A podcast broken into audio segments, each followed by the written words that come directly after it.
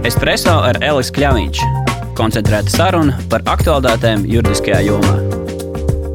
Mani sauc Anna Marta Nordmane, un es esmu Eliks Kļaviņš, jaunākā juriste. Šodien mēs runāsim par influenceri, ietekmīgu zīmolu veidotāju un to, kādas ir zīmola tiesības un pienākumi šajā sadarbībā ar influenceriem.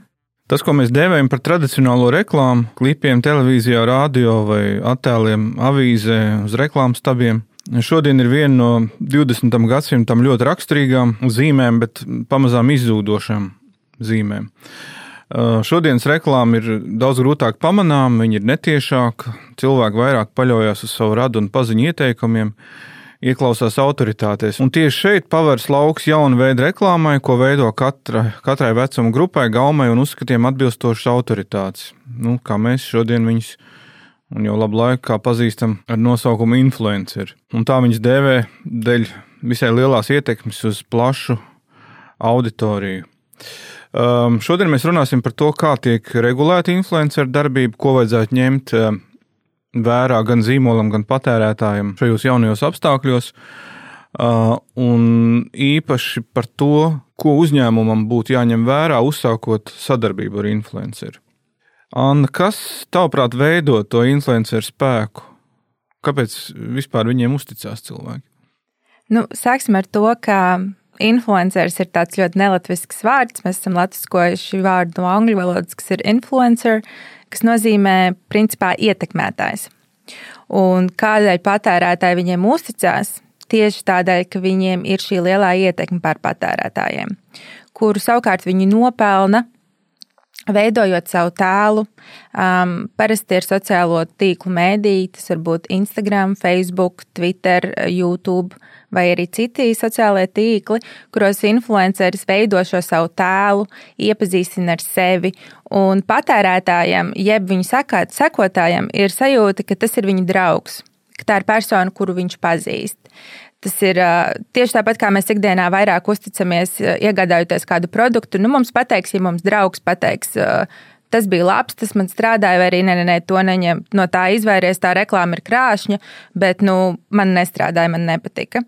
Un tieši tas ir tas, ko influenceri dara. Viņi stāsta par šīm savām pieredzēm, ar kaut kādiem produktiem, pakalpojumiem, pieredzēm. Un šim sekotājam, tieši tādēļ, ka ir šī uzticības saikne izveidojusies, ir sajūta, ka viņam to iesaka viņa draugs. Un tur rodas šis lielais influenceru spēks. Tieši šī uzticības, šīs attiecības starp viņu un viņa sekotājiem. Bet īstenībā nemaz nav draugs. Nu, tas ir Domāju, ka influenceriem ir diskutabls jautājums, un to mēs tā viennozīmīgi nevaram teikt. Protams, arī būtu absurdi apgalvot, ka tie 25,000 vai miljoni sekotāji ir tavi draugi, bet pārsvarā jau influenceri pozicionē šo, ka uh, tie visi sekotāji ir viņu draugi, tā ir viņu ģimene, un tur veidojas šī emocionālā saikne, kas uh, ļoti bieži iespējams ir maldīga uh, patērētāja, jeb sekotāja pusē, bet tur rodas šī influencera patērētāja sadarbība un šis spēks. Nu jā, acīm redzot, šeit arī ir vērojama tā smalkā robeža starp uh, vienkārši cilvēka viedokli par produktu un reklāmu. Uh, vienā brīdī viņš ir apmaksāts viedokļu paudējs, un es nezinu, vai tad mēs viņu varam īpaši saukt par draugu. Viņš varbūt ir nu, kaut kāds viedokļu veidotājs vai kā. Bet, bet, bet protams, ir arī ļoti daudz situācijas, kad tiešām cilvēki godīgi izsaka savu viedokli, salīdzina dažādas pieredzes ar dažādiem produktiem. Un, un vai, vai šī robeža ir kaut kā pamanāma patērētājiem? Kurā brīdī tā ir reklāma, kurā brīdī tas ir vienkārši runāšana?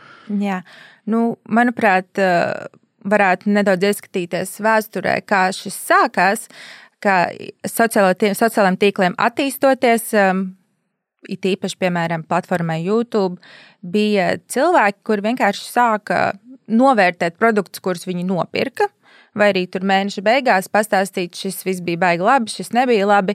Un tas vēl nekādā veidā netika domāts, ka tā varētu būt reklāma vai ka zīmola to kaut kā varētu izmantot. Tas vienkārši organiski cilvēks stāstīja par savām ikdienas pieredzēm. Tas bija laikā, kad ar sociālajiem tīkliem nevarēja nopelnīt, un viens neuzskatīja, ka tā varētu būt kaut kāda karjera laikam attīstoties zīmoli, kuri bija gudri agrāk, citi vēlāk pamanīja to, ka, hei, šim cilvēkam ir baigā ietekme, jo viņā ieklausās, jo viņš ir uzticams šim savam sekotāju lokam, un viņā ieklausās par šo, par tieši par to viņu viedokli, vai tas bija labi, vai tas bija slikti. Un tajā brīdī zīmols iespējams redz, ka kāds influenceris jau ilgu laiku runā par viņu produktu, viņam par to nav vispār maksāts, un viņš piedāvā šo sadarbību izveidot. Tas nozīmē, ka zīmols, piemēram, nosūta par velti kaut kādu jaunāko kolekciju, vai tas ir kaut kādiem sejas kopšanas līdzekļiem, kosmētikai, apģērbam, kādai pieredzēji, pasākumam. Un influenceris to izmēģina, novērtē un pastāsta par to saviem sekotājiem. Bet te lūk, ir tā ļoti, ļoti svarīgā nianse, ka tas nevienā brīdī nedrīkst būt kaut kādā veidā slēpts no sekotāja, jeb no patērētāja. Ja viņš ir saņēmis dāvanā kaut ko no zīmola, un viņš par to stāsta, tas ir obligāti, obligāti jāatklāj patērētājiem. Jo šajā brīdī mēs varam jau sākt runāt par kaut kādu maldinošu vai slēptu reklāmu, kas ir absolūti pretēji normatīviem regulējumam. Kādā veidā tas jānorāda?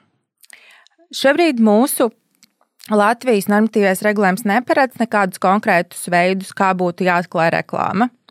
Um, mums Latvijā ir izveidota Latvijas blogeru un influenceru asociācija, kur sadarbībā ar Patērētāju tiesību aizsardzības centru ir izveidojuši sarakstu ar ļoti daudziem tēmturiem, jeb angļu valodā hashtags, kurus aicina norādīt pie savām reklāmām.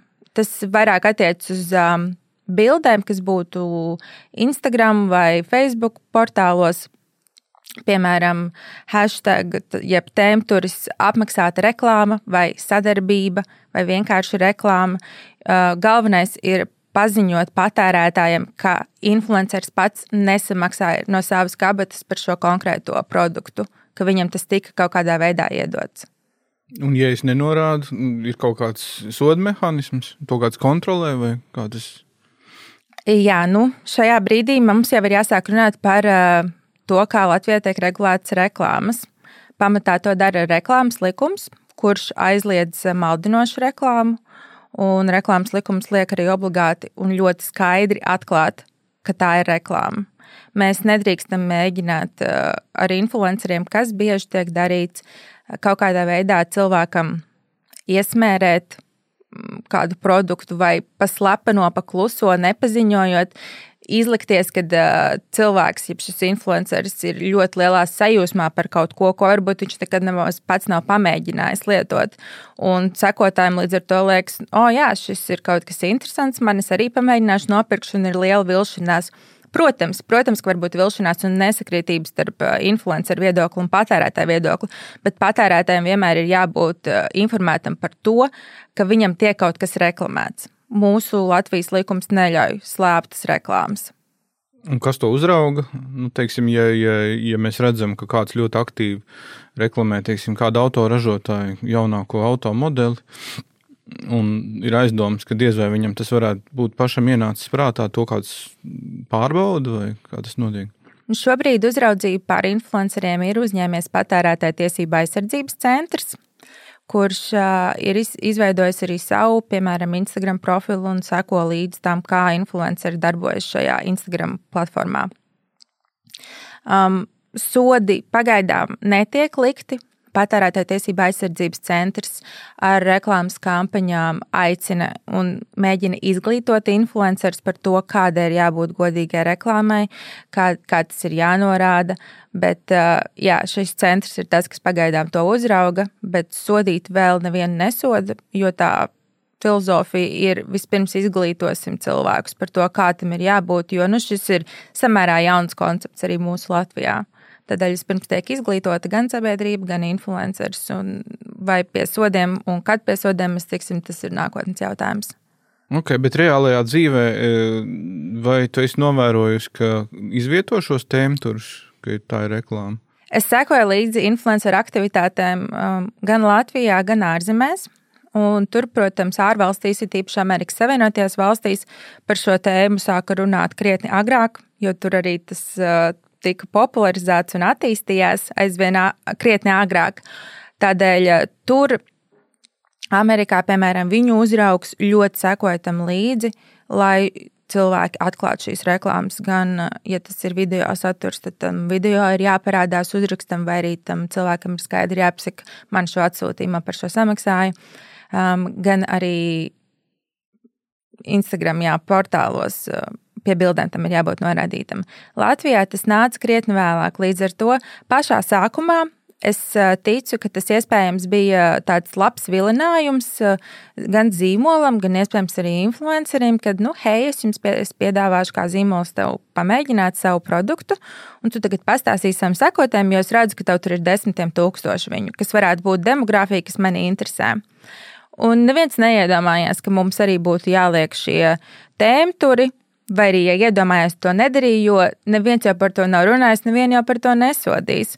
Un tā tas kaut kā gāja, gāja uz priekšu, līdz vienā brīdī, pirms pāris gadiem, par to sāka skaļāk runāt patērētāja tiesība aizsardzības centrs un vērst uzmanību uz to, ka, lai arī šis ir kaut kas tāds jauns, tā joprojām ir reklāma. To, kā mēs saprotam reklāmu. Un mēs negribētu, lai mums pa televizoru, skatoties seriālu, mēģina pakluso kaut ko reklamēt, ja mēs nezinām, piemēram, produktu izvietošana. Arī tam ir jābūt šajā, piemēram, televīzijas šovā norādītam, kad ir produktu izvietošana. Tieši tāpat tam ir jābūt arī šajos sociālajos tīklos.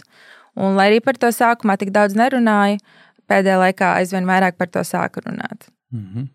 Jā, pirms e, ierakstu sacīja, ka šie ietekmētāji e, ir nu, kļūst par vienu no lielākajiem un spēcīgākajiem mārketinga rīkiem zīmolam. Varbūt tu vari raksturot apmēram tās auditorijas, par ko mēs runājam nu, Latvijā. Latvijas influ, ietekmētājs, kā, cik liela auditorija viņš sasniedz apmēram.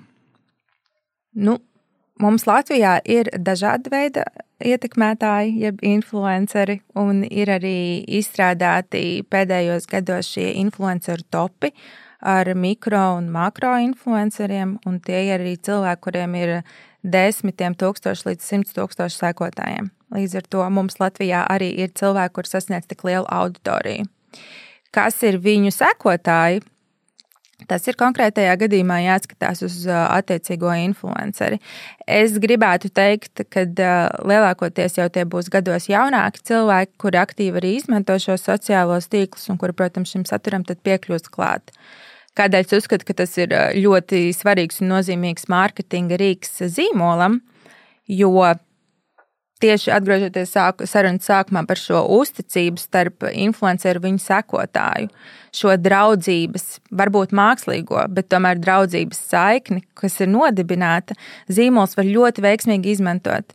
Jo skatoties, piemēram, uz parasto reklāmu, cik daudz būtu zīmolam jāiegulda, lai sasniegtu konkrētu auditoriju, izpētītu, kas viņiem patiks, kas viņiem nepatiks, kā, viņi, kā viņus vislabāk uzrunāt.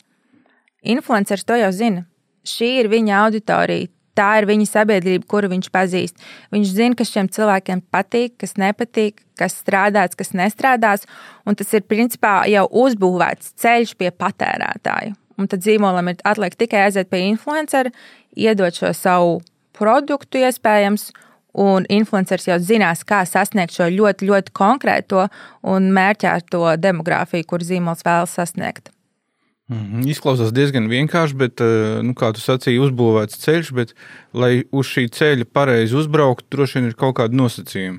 Kas tad uzņēmumam būtu vē, jāņem vērā un kā jārīkojas pirms viņš sāk šo sadarbību? Un kā šo sadarbību pareizi veidot vispār?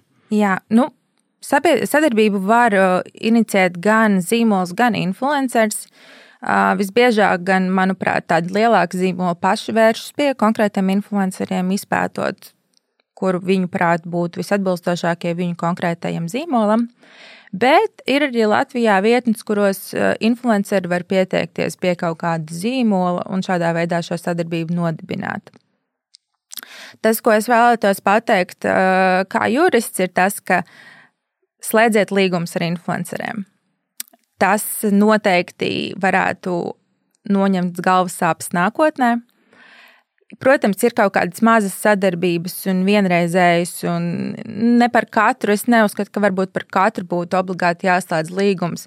Bet, ja mēs runājam par garākām, lielākām reklāmas kampaņām vai arī ar kādu ietekmīgāku influenceri, es domāju, ka zīmols būtu tikai pateicīgs sev un nodrošinātos pats sev, ja viņš noslēgtu līgumu ar influenceri jau pirms sadarbības sākšanas. Kas tas varētu būt par līgumu? Kas tas ir par darbu, ko influenceris dara? Autora darbs, autora atlīdzības līgums vai kas? Jā, jā, tas ir autora darbs viennozīmīgi, jo influenceris rada kaut kādu saturu. Un autortiesību likums aizsargā darbus, un darbi var būt ļoti plaša spektra. Protams, ka tas ir saturs, vai tas ir foto, vai tas ir video, vai tas arī būtu podkastā, piemēram, pieminēts. Tas ir saturs. Tātad zīmols ar influenceru var slēgt autora atlīdzības līgumu, var arī slēgt uzņēmumu līgumu vienkārši par sadarbību. Galvenās atšķirības būtu tātad šis līguma priekšmets. Autora atlīdzības līguma gadījumā ir runa par autora darba radīšanu. Uzņēmuma līguma gadījumā mēs runājam par to, ka uzņēmējs šajā gadījumā tas būtu šis influenceris ar saviem rīkiem veids kaut kādu pasūtījumu vai izpildu pasākumu. Un, protams, ka atšķirība arī būtu tajā, kā notiek nodokļu nomaksa atkarībā no līguma veida. Kādā veidā tu ieteiktu nu, fiksēt līgumā vai nefiksēt līguma atlīdzību uh, influencerim par viņu darbību? Noteikti, ja mēs slēdzam līgumu ar influenceru, tad uh, šis ir punkts, kurš būtu jāiekļauj atlīdzība. Bet interesanti šajā mārketinga rīkā, kas ir influenceris, ka tā atlīdzība nevienmēr būs naudā. Un ļoti bieži praksē var redzēt, ka Visbiežāk pat tas nebūs atlīdzība naudā, bet, piemēram, bezmaksas produktos.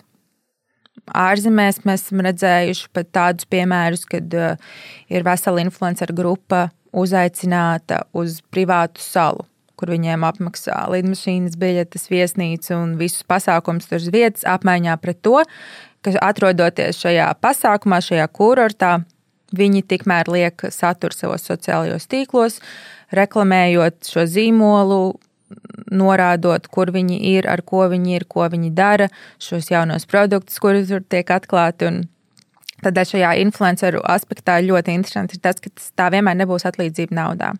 Ja tā ir atlīdzība naudā, tad, protams, mēs līgumā norādām, um, kāda būs samaksa, bet arī atceramies, ka tas var būt dažādi. Ja mēs runājam par, piemēram, vienu ierakstu Instagram vai vienu video YouTube, tad mēs varam vienoties par šo samaksu par vienu konkrēto video.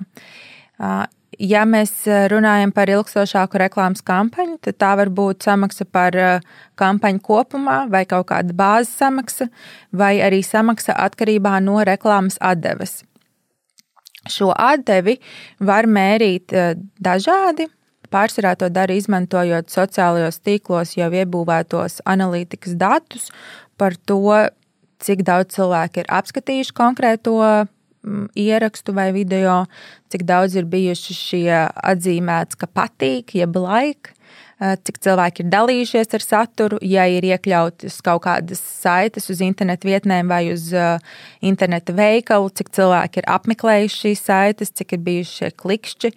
Eh, cik daudz cilvēku ir pierakstījušies, piemēram, zīmola jaunumiem, sekojot šai konkrētai saitē uz interneta vietni. Tādēļ šo atdevi no reklāmas var nomērīt eh, ļoti dažādos veidos, un arī attiecībā bāzētā uz to var paredzēt šo samaksu. Ne tikai vienas konkrētas bāzes summas, bet arī no tā, cik reklāmai būs liela atdeva nākotnē. Restīvi, te nevajadzētu paļauties tikai uz auditorijas lielumu, bet vēl uz citiem parametriem, kas liecina par viņas iesaistītību. Un, Jā, interesi. pilnīgi noteikti. Un to arī var atcerēties un dara atcerēties, izvēloties influenceri, ka mūsdienās nopirkt sekotāju skaitu ir ārkārtīgi vienkārši dažādos sociālajos tīklos. Līdz ar to mēs nevaram paļauties, ka cilvēkam, kuram ir miljons sekotāju, tiešām tur aizmugurē stāv miljons cilvēku, kuri apskata šos ierakstus.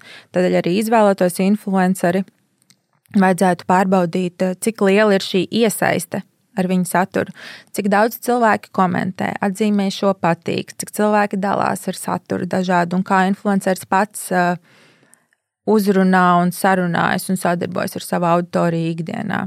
Nesekotais skaits pilnīgi noteikti nevajadzētu tam būt vienīgajam aspektam, kuru mēs izvērtējam.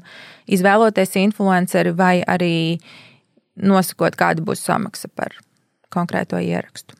Jā, nu, ņemot vērā, ka mm, tas atslēgu vārds, acīm redzot, mm, šeit ir uzticēšanās. Tad no vienas puses tas, mm, kā šis ietekmētājs panāk uzticēšanos konkrētā auditorijā, kas uzticās viņam vai viņai, viņa teiktajam un ieklausās. Un, un, un nostiprina šo savu, šis influenceris nostiprina šo savu autoritāti, teiksim tā.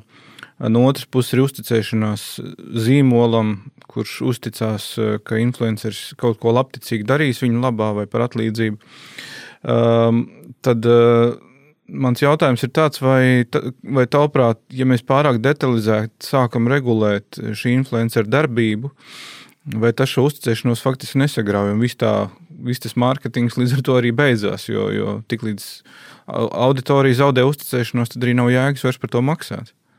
Jā, pilnīgi noteikti un pareizi pateici, ka izvēloties influenceru zīmolam ir jāatlaiž kaut kādi vadības groži attiecībā uz to, kā izskatīsies reklāma. Protams, ka ir jāvienojas par galveno, kas tiek reklamēts un varbūt kā zīmols to vēlētos redzēt, bet es uzskatu, ka tomēr tā radošā darbība būtu jāatstāj influenceru ziņā jo viņš zinās, kā uzrunāt savu auditoriju, lai tas neizskatītos mākslīgi. Jo tiklīdz tas izskatīsies mākslīgi un sakotājiem liksies, ka viņam uzbāžas ar reklāmu, varētu rasties tieši pretējais iespējas gan pret šo influenceru, gan pret zīmolu. Līdz ar to, lai arī šis ir ļoti ietekmīgs eh, mārketinga rīks, jau pie influenceru izvēles zīmolam ir jāsaprot, um, es izvēlos cilvēku, un man viņam ir jāuzticas. Man ir jāuzticas ar to savu produktu, man ir jāuzticas, ka šis cilvēks mani labi reprezentēs tālāk, jo tajā brīdī jā, ir jāatlaiž šie vadības groži un ir jāļauj šim cilvēkam, influencerim, darīt to, ko viņš dara vislabāk. Tas, kā viņš pelna naudu, ko viņš dara vislabāk, ir uzrunājot savus sekotājus ikdienā iedarbojoties ar viņiem, pastāstot viņiem kaut ko, un pa vidu vēl iepludinot iekšā, arī padaloties ar kādu produktu, kas viņiem patīk, vai kādu pakalpojumu, jaunu, interesantu, vai restorānu. Bet tam ir jābūt organiski šim saturam, kurš tiek iepludināts pa vidu visam citam. Okay, saka vēl eh, noslēgumā, vai tavuprāt Latvijā Latvijas likumdošanā un regulējumā ir kaut kādi būtiski baltie laukumi, kas būtu, par ko ir jādomā kontekstā ar influenceriem. Vai pašā regulējumā, jeb tajā, kā, kā viņš tiek piemērots, kas uzrauga visu šo? Es domāju, ka ne tik liela problēma ir regulējumā, bet tas, kā mēs to piemērojam šobrīd. Um, kamēr šī influenceru mārketinga visa attīstība vēl ir tādā jaunības stāvoklī, un mēs nezinām, ko tieši un kā tieši un kā būtu vislabāk, tikmēr mēs nevienu vēl nesodam. Ar reklāmas likumu mēs uzliekam atbildību influencerim, kā reklāmas izplatītājiem par to, ka viņš nedrīkst izplatīt apzināti normatīviem aktiem pretēju reklāmu. Attiecībā uz negodīgas komercprakses aizliegumu likumu, kurš tieši saista zīmolu, jo viņš sadarbojas ar patērētāju, um, ir vēl pastāv praksē jautājums, vai influenceri arī var pakļaut šīm negodīgas komercprakses aizlieguma eh, likumam, jo šajā likumā ir atbildība starp komersantu un patērētāju. Tomēr influenceris bieži joprojām pats ir patērētājs. Nu, viņš nav komersants, viņš tikai ir draugs, kurš pastāsta savam draugam. Un, manuprāt, nākotnē praksē mums ir jāšķitina, kur, kur ir šī robeža starp uh, fizisko personu starp patērētāju un kurā brīdī influenceris jau kļūst par šo komersantu. Protams, ja viņam ir nodibināta kaut kāda sabiedrība ar ierobežotu atbildību, caur kuru viņš visu savu darbību veids, tas ir cits aspekts. Bet kamēr tas ir pilnīgi privāta persona, kura darbojas zīmola interesēs, vai uz viņu arī var attiecināt šo likumu? Tas ir jautājums nākotnē, praksē. To mēs šobrīd vēl nevaram atbildēt. Redzēsim, kā regulējums varbūt attīstīsies, varbūt nē kā attīstīsies paši, pati šī sfēra. Un redzēsim, ko regulētājs teiks. Ok, liels paldies Annai par eh, izsmeļošo skaidrojumu. Um, noslēgumā, acīm redzot, mēs varam kopsavilkot visu šo ļoti apjomīgo tēmu, sacīt, ka no vienas puses mums ir jāapzinās, ka influencera ietekme vēl tikai pieaugs, un tas kļūs aizvien, par, par aizvien spēcīgāku mārketinga instrumentu. Uh, no otras puses, jāatcerās tiem uzņēmumiem vai zīmoliem, kas uzsāk sadarbību ka šī tomēr ir gan radoša darbība, gan arī tāda darbība, kas prasa milzīgu uzticēšanos no auditorijas puses. Un pie tam atceroties arī to, ka auditorija ir gana gudra un spēja saskatīt uh, un sajust to, ka šī labas gaumas robeža ir pārkāpta un influenceris ir ietekmēts pārāk spēcīgi no zīmola puses, un tad uzticēšanās vienkārši zūd. Tā kā atkārtojot to, ko Anna sacīja, ka no vienas puses vajadzētu līgumā fiksēt attiecības ar influenceru, tiem, kas ir izlēmu, izlēmuši šādu sadarbību sākt, no otras puses šos rāmjus nelikt pārāk ciešus un paļauties uz to, ka Galu galā arī paša influencera interesēs ir eh, viņa labā slava un eh, auditorijas saglabāšana. Espreso ar Elisu Kļāviņš. Koncentrēta saruna par aktuālitātēm juridiskajā jomā.